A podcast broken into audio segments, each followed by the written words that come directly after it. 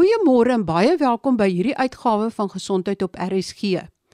Ek gesels vandag oor 'n baie algemene probleem wat bykans in elke huishouding aangetref word en dit is ystertekort wat dan ook hand aan hand gaan met bloedarmoede of die ander naam vir bloedarmoede anemie. My gas vandag is professor Vernon Lou, hoof van kliniese hematologie aan die Universiteit van Kaapstad en by die Grote Skuur Hospitaal.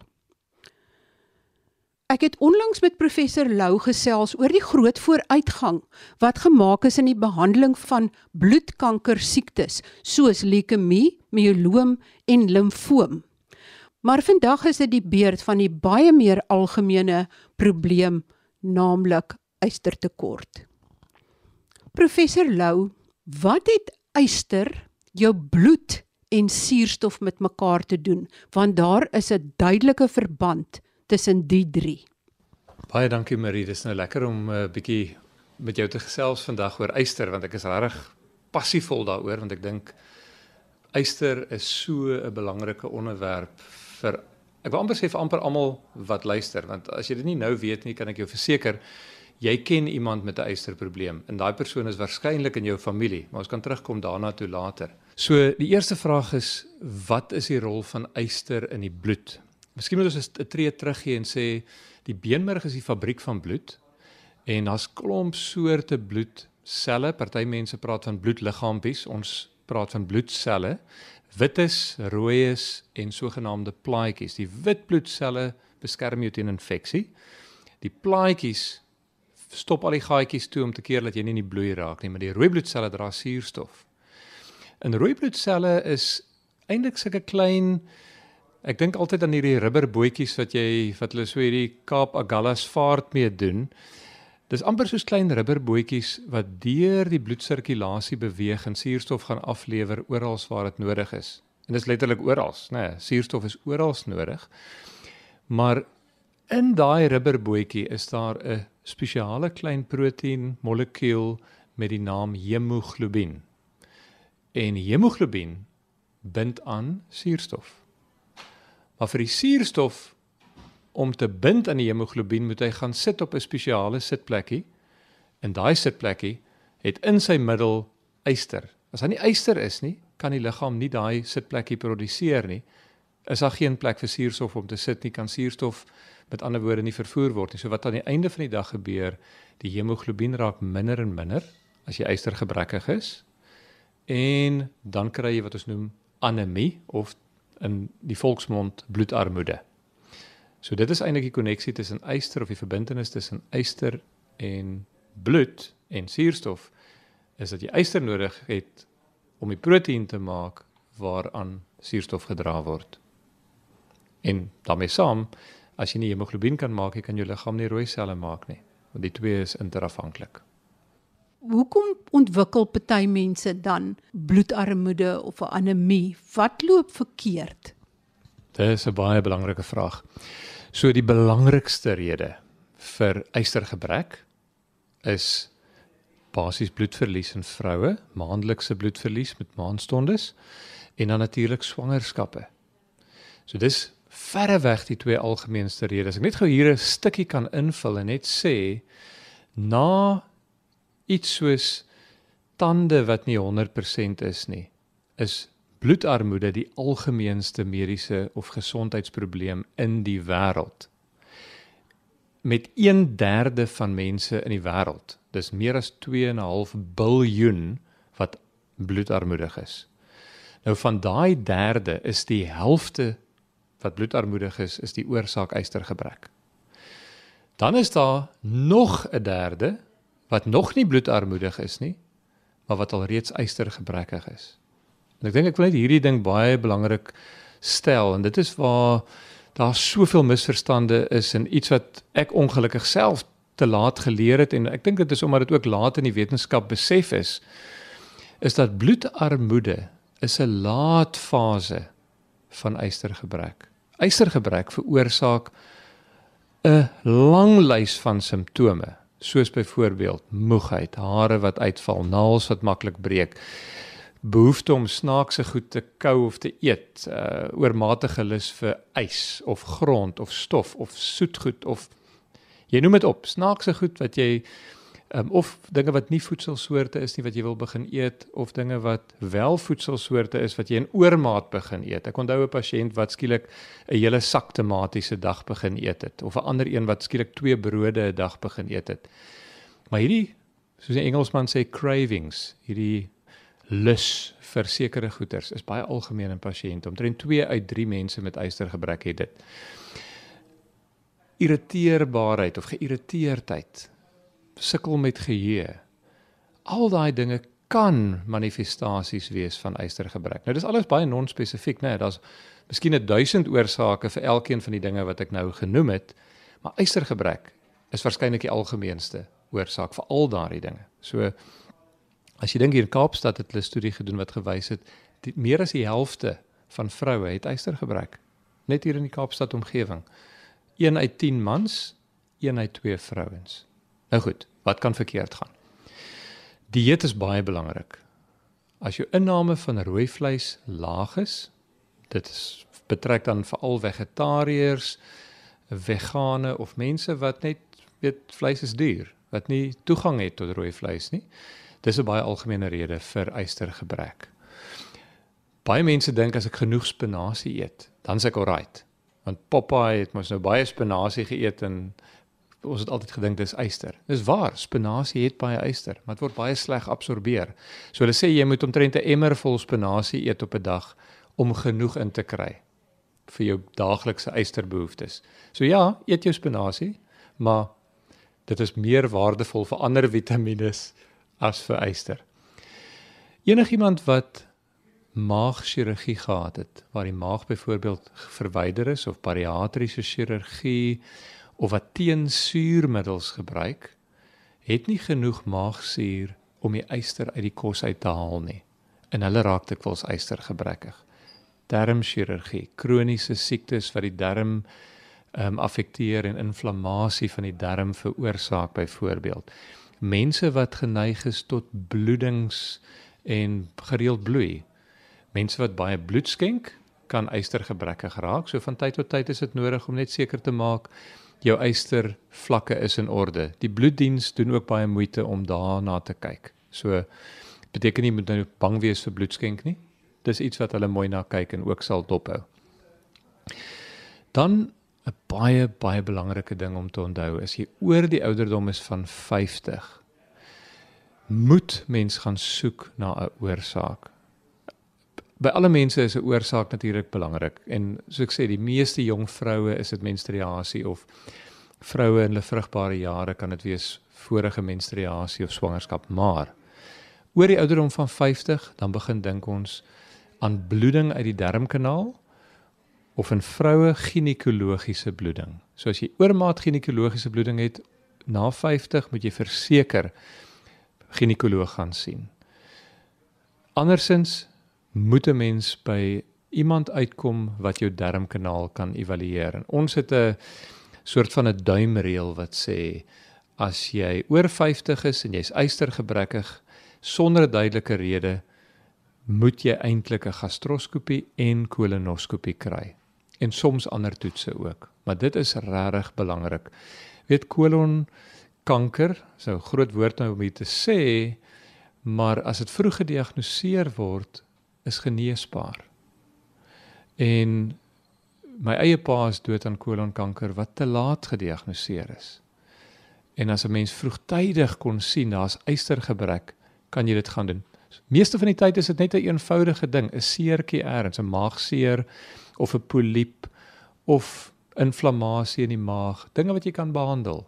Maar soms in 'n persentasie van mense kan dit 'n vroeë vroeë teken wees dat daar iets meer aan die gang is en moet 'n ou dit gaan voorkyk. Weet ek daar's nie eintlik 'n verbykom kans daarbey nie.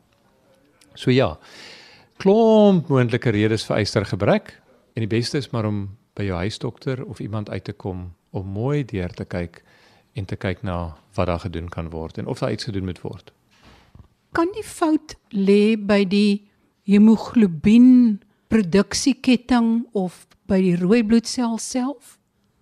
die rooi bloedselproduksie is afhanklik van 'n klomp faktore waarvan yster die belangrikste is, maar daar's ook ander dinge soos Vitamien B12, folinsuur. Jy hoor die woord folinsuur, foliage blare, so groen blare het baie folinsuur. Dis deesdae baie skaars oorsaak eintlik omdat ons voedsel versterk word daarmee. Maar ystergebrek met die rooi sel of 'n probleem in die rooi sel as oorsprong of laat ek dit eerder so sê. Die probleem lê nie gewoonlik primêr by die rooi bloedsel nie. Daar is siekte toestande, 'n klomp wat bloedarmoede gee as gevolg van inherente probleme in die rooi bloedsel of die beenmerg wat die fabriek is van bloed. Maar dit is nie noodwendig enigiets te doen met yster nie.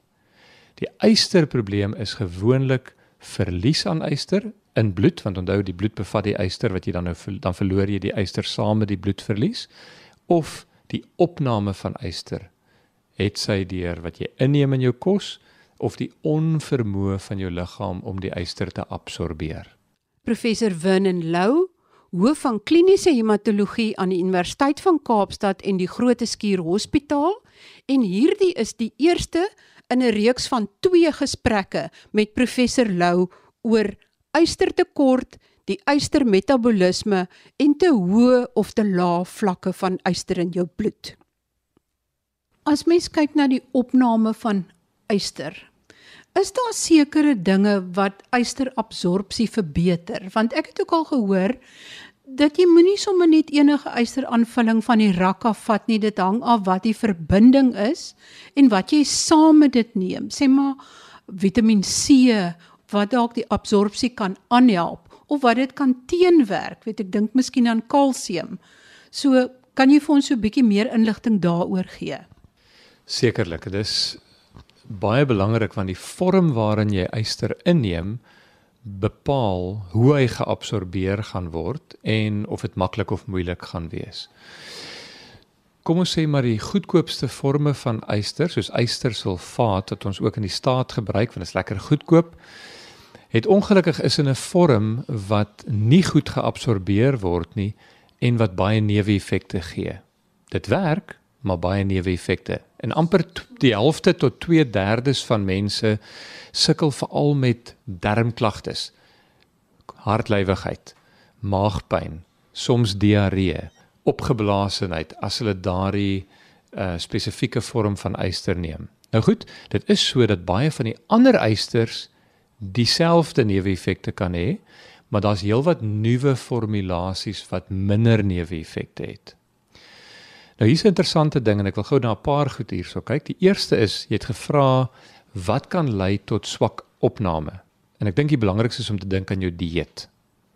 So sommige eisters word afekteer deur jou dieet en dan kan daar ander eisters is daar beskikbaar op die mark wat nie deur jou dieet beïnvloed word nie.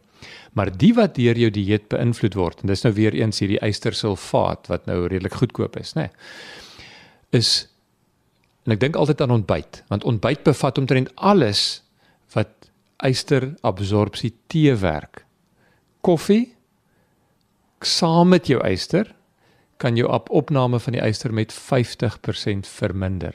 Beteken nie mag jy koffie drink nie, maar jy moet dit nie saam met jou yster drink nie.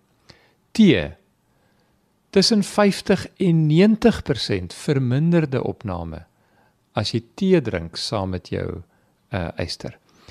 As jy dink aan 'n gewone ontbyt, dink nou maar aan jou graankos of muesli. Dit bevat fitate wat die yster bind en dit gaan dwars deur. Dit veroorsaak net neeweffekte en gaan nie in jou stelsel in nie. Melk bevat 'n proteïen wat die yster bind en jy neem dit nie op nie. Kalsium dieselfde. Sojamelk spesifiek is iets wat nogal ysteropname teewerk. Eiers. So amper sê die enigste ding wat goed is om yster in te kry by ontbyt is 'n vleisie, weet, iets vleiserigs. Maar die res is eintlik 'n probleem. 'n Glas lemoensap kan help. Vitamiin C kan jou ysteropname met 50% verhoog, maar deur 'n biologiese meganisme kan dit in sommige mense die neeweffekte vermeerder. So jy moet nou maar ook mooi dophou, weet, hoe affekteer dit my as ek Vitamiin C saam met dit neem? Dis 'n lekker hupstootjie. Ek dink die beste manier om dit maar net in te neem is so natuurlik as moontlik, miskien 'n uh, met 'n lemoen of 'n glas lemoensap of iets weet met wat hoog is in Vitamiene C. So dit is dieetfaktore, 'n paar voorbeelde van dieetfaktore. Maar dan is daar 'n ander interessante ding. In jou dun darm is daar 'n baie spesifieke pad waardeur die yster in die bloedsirkulasie kom. Daar's 'n letterlik 'n klein deurtjie, 'n molekuule met die naam ferroportin, soos letterlik vertaal ysterdeur. En die yster gaan deur daai deur en dan word hy op 'n klein, ek noem dit sommer 'n kanoe gesit, so twee sitplek proteïen waar daar twee ysters op kan ry beenmerg toe na die fabriek toe. Daai deur word dikwels gesluit indien jy onderliggende infeksie of kroniese inflammasie het en dan kan jy ook nie yster opneem nie. So daar's allerlei ander faktore wat 'n rol kan speel. En ek dink 'n ou moet dit in gedagte hou want dit is soms nodig dan om 'n ander vorm van yster te neem wat 'n ander baan volg. En daar's nou nuwe soorte ysters wat heeltemal alternatiewe paaie volg waar hulle verby die dun darm gaan en ander opnamebane het wat nie beïnvloed word deur jou dieet nie, wat nie beïnvloed word byvoorbeeld deur inflammasie of infeksie nie. En dit kan daar's beide mondelingse vorms en ook binneaardse vorms. So as dit byvoorbeeld deesdae binneaardse eisters waarmee jy met 'n enkel dosis al die pasiënt se behoeftes kan aanvul. En hulle hoef nie mondelingse eister saam met dit te neem nie. So ons gebruik dit baie keer as ons sien 'n pasiënt het vir 3 maande mondelingse eister probeer en hulle verdra dit nie of hulle dit is nie suksesvol nie, dan gee ons baie keer vir hulle binneaardse eister. Miskien kan jy net iets sê oor die wat mondelings neem, is dit 'n kilaat of wat? Dankie.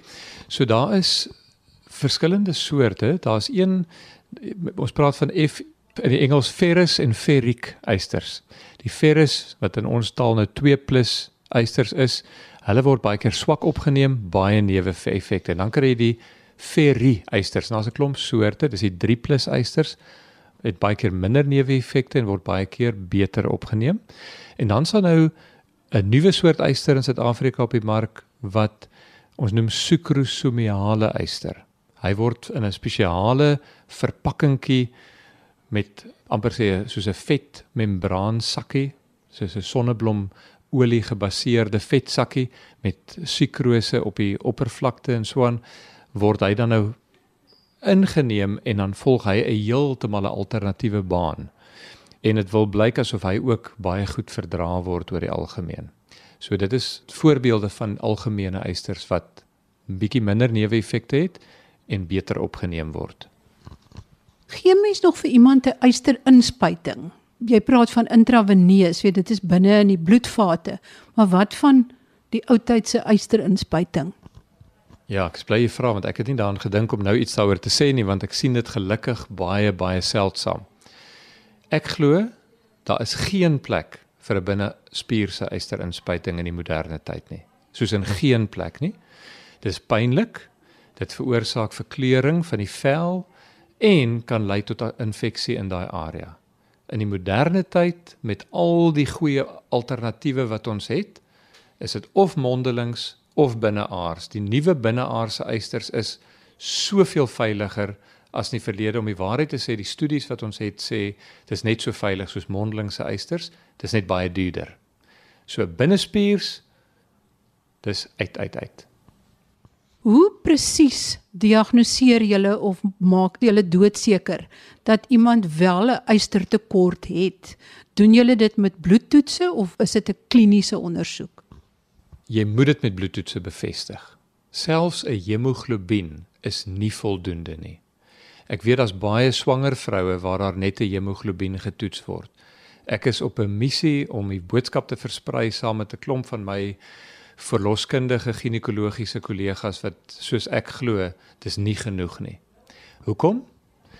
Want die hemoglobien soos ek net nou gesê het, gaan laag word aan die eindstadium. Maar jy het jy het yster nodig vir jou brein, vir jou hart, vir jou niere, vir jou spiere, vir elke orgaan in jou liggaam. So om te weet of jy yster gebrekkig is, moet jy spesifieke ystertoetse doen.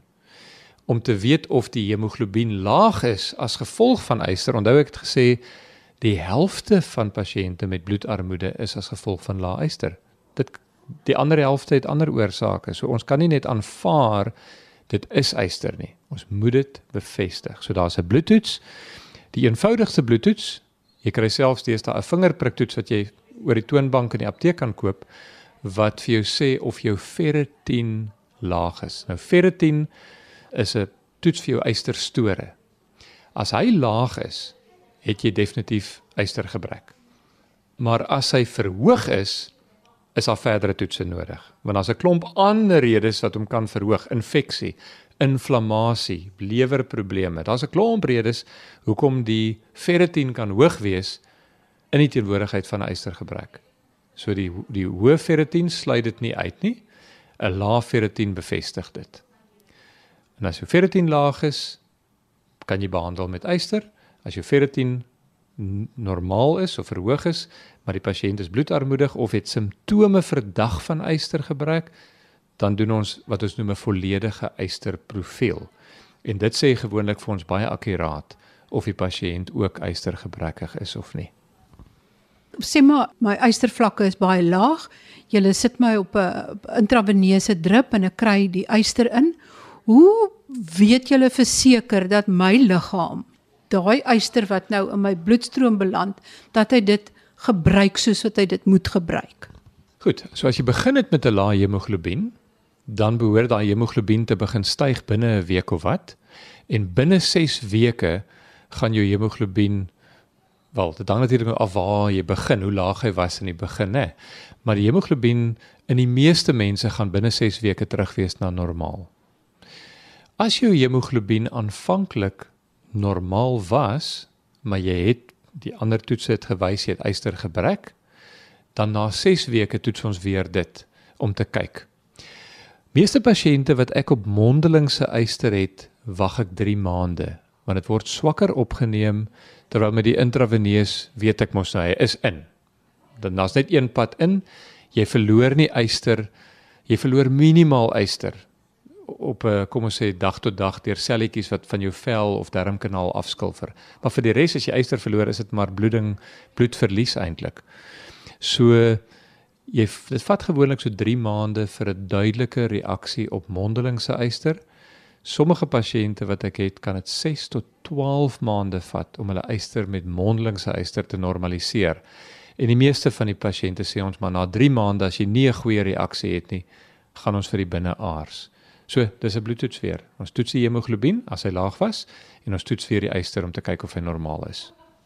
Dis as jy nie moeg en dom en vaag en sonder uithou vermoë wil wees nie en al die ander neeweffekte wat saamgaan met 'n lae ystervlak, laat gerus jou yster toets. Moenie loop met lae ystervlakke of wag totdat jou hemoglobien vlakke so laag is dat jou ystervlakke eintlik al ver verby te laag is nie. Ja, ek wil net sê dat as daar belangstelling is om bietjie meer te leer oor yster, ek het 'n YouTube kanaal met die naam Vernon Lou MedEd. As jy my naam daar insit, daar is 'n as mens onder video's gaan, is daar 'n opsie van playlists en dan's daar 11 video's oor yster wat ek gemaak het wat bietjie meer besonderhede verduidelik hoe yster werk, beide die fisiologie te min yster, ek sê 'n bietjie oor te veel yster. Kyk gerus as u meer wil wil leer. Baie dankie aan my gas vandag, professor Vernon Lou, hoof van kliniese hematologie aan die Universiteit van Kaapstad en die Groote Skuur Hospitaal. En volgende week sit ons hierdie gesprek voort oor ystertekort en dan kyk ons veral na swanger vroue, na tieners, en ook of dit die fetus kan beïnvloed. Moenie dit misloop nie. Volgende week dieselfde tyd is ek terug. Baie groete tot dan van my Marie Hudson.